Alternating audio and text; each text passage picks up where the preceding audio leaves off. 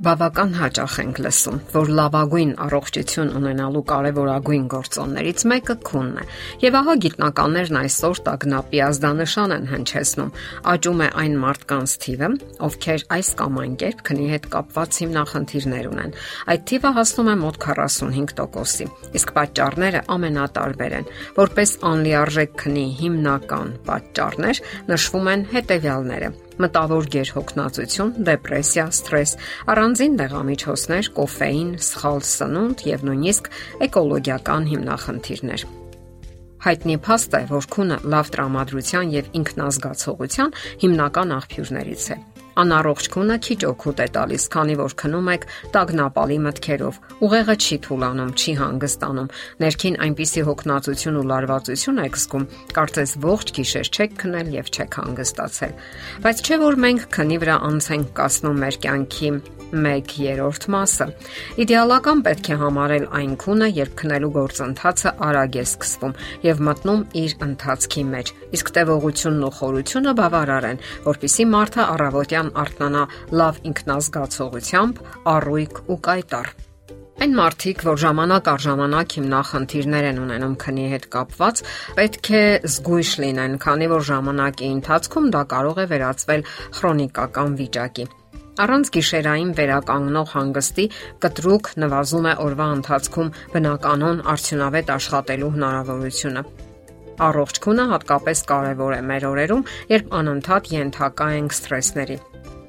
Ուրիշերին հետևանքների կարող է հանգեցնել անլիարժեք քունը։ Եթե դա կրում է կանոնավոր բնույթ, ապա դուք մշտապես գրգռված ու նյարդային եք հետագայում կդառնաք բռնկուն, ինչի հետևանքով էլ կունենաք հիմնախնդիրներ մարդկային հարաբերություններում։ Կլինեն դժվարություններ կարևոր որոշումներ ընդունելիս, կլինի անտարբերություն, ցրվածություն։ Հաճախ այս բոլոր նշանները սխալմամբ ընդունում են հիվանդության նշան, այնինչ պատճառը անբավարար քունն է։ Բնականon քունը նյարդային համակարգի առաջին պահապաններից մեկն է։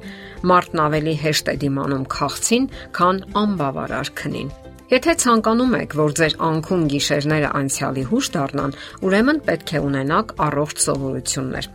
Ասենք որ բժիշկները խորհուրդ են տալիս քնել 7-ից 8 ժամ, թեև որոշ մարդիկ քնում են ավելի քիչ եւ իրենց լավ են զգում։ Դուք պետք է հասկանաք, թե քանի ժամն է ձեզ համար ընդունելին ամենաճիշտը եւ քնեք այդքան։ Իսկ երբ պետք է քնել։ Բոլոր մասնագետները միանշանակ նշում են, որ մինչև 12-ը մարդը պետք է արդեն քնած լինի։ Դա սահմանագիծն է։ Որոշներն էլ ասում են, որ երբ էլ քունը տանի, Մարդը կարող է այդ ժամանակ քնել, սակայն դա այնքան էլ լավ որոշիչ չէ։ Անառողջ սովորությունները կարող են աղավաղել քնի գրաֆիկը։ Դուք կարող եք ապարկել քնելու 8-ին եւ արթնանալ, ասենք ժամը 2-ին, եւ ապա տանջվեք անքնությունից։ Ասենք որ երեկոյան 9-ից սկսած օրգանիզմը սկսում է արտադրել սերոտոնին հորմոնը։ Մարմնի ջերմաստիճանը սկսում է նվազել եւ օրգանիզմը կարծես պատրաստվում է հանգստի։ Այսպիսով քնի ամենալավ ժամանակը 10-ից 11-ն ընկած ժամանակահատվածն է։ Իհարկե երեկոյան։ Այդ ժամանակ օրգանիզմը թուլացած է, նյարդային համակարգը հանգստանում է եւ քնելը հեշտ է։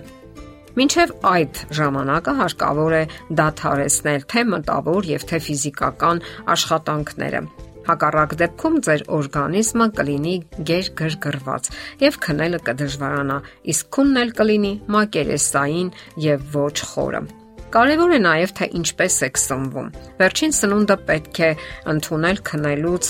ամենակիչը 3 ժամ առաջ, նույնիսկ 4։ Իսկ 9-ից հետո կերած սնունդը չի մարսվում եւ մնում է ստամոքսում, թունավորելով նրա նուրբ լորձաթաղանթը։ Կարևորեք նաև գրգռիչ ըմպելիքները, որքան քիչ օգտագործեք կոֆեին պարունակող հեղուկներ, այնքան ավելի լավ կքնեք։ Դրանք են սուրճը, մուկ, թեյը, կոլաները, նաև շոկոլադը եւ որոշ դեղամիջոցներ, որոնք կոֆեին են պարունակում։ Անհամեմատ ավելի օգտակար է քնելուց առաջ բուսական հանգստացնող թեյեր խմել։ Օրինակ գերիցուկ, դաղց, նանա, վալերիան։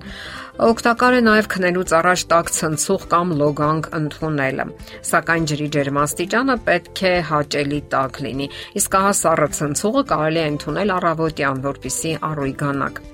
Եթե ձեր տան մոտակայքում կա պուրակ կամ ծառուղի, քնելուց առաջ կարող եք զբոսնել ու թարմ օդ շնչել։ Դա շատ կօգնի, որ դուք հանգստանաք ու խաղաղ քնեք։ Սենյակը, որտեղ քնում եք, պետք է լինի ոչ տաք, ոչ էլ սառը եւ անպայման օդափոխված։ Քնի համար նշանակություն ունի նաև նյարդային համակարգի բնականոն վիճակը։ Որոշ մարդիկ դժվարանում են քնել ուժեղ հուզումների կամ ապրումների արկայության դեպքում։ Դա կարող է լինել անգամ բուրըն ուրախություն կամ բուրըն տխրություն, տագնապ, վախ, սпасվող իրադարձությունների հետ կապված, ասենք անհանգստություն եւ այլն։ Այդ դեպքում ուղեղի կեղևում առաջանում է գրգռվածության կայուն օջախ եւ քնելը դժվարանում է ծայրահեղ անցանկալի է նաև քնելուց առաջ վերհիշել ստացած վիրավորանքները։ Նորից վերապրվող վիրավորանքները վարքագծի ագրեսիվ ոճ են զարգացնում։ Անկամ խաղաղ հիշողությունները վաղուց տեղի ունեցած տհաճ վիրավորական իրավիճակների մասին, որ այդ պահին բացասական հույզեր չեն առաջացնում, ելի կարող են բարձրացնել արյան ճնշումը։ Ավելի լավ է մտածել այն մասին, թե ինչ հրաշալի էր անցնող օրը եւ ինչ պահեր ապարգևեց ձեզ։ Իսկ եթե չկան այդպիսի պահեր, ավելի լավ է ոչինչ չհիշեք եւ երբեք չմոռանաք, որ լավագույն հնարավորությունները արժևում են։ Դե ի՞նչ։ Հրաշալի եւ բարի քուն ձեզ։ Եթերում է առողջ ապրելակերպ հաղորդաշարը։ Հարցերի եւ առաջարկությունների համար զանգահարել 033 87 87 87 հեռախոսահամարով։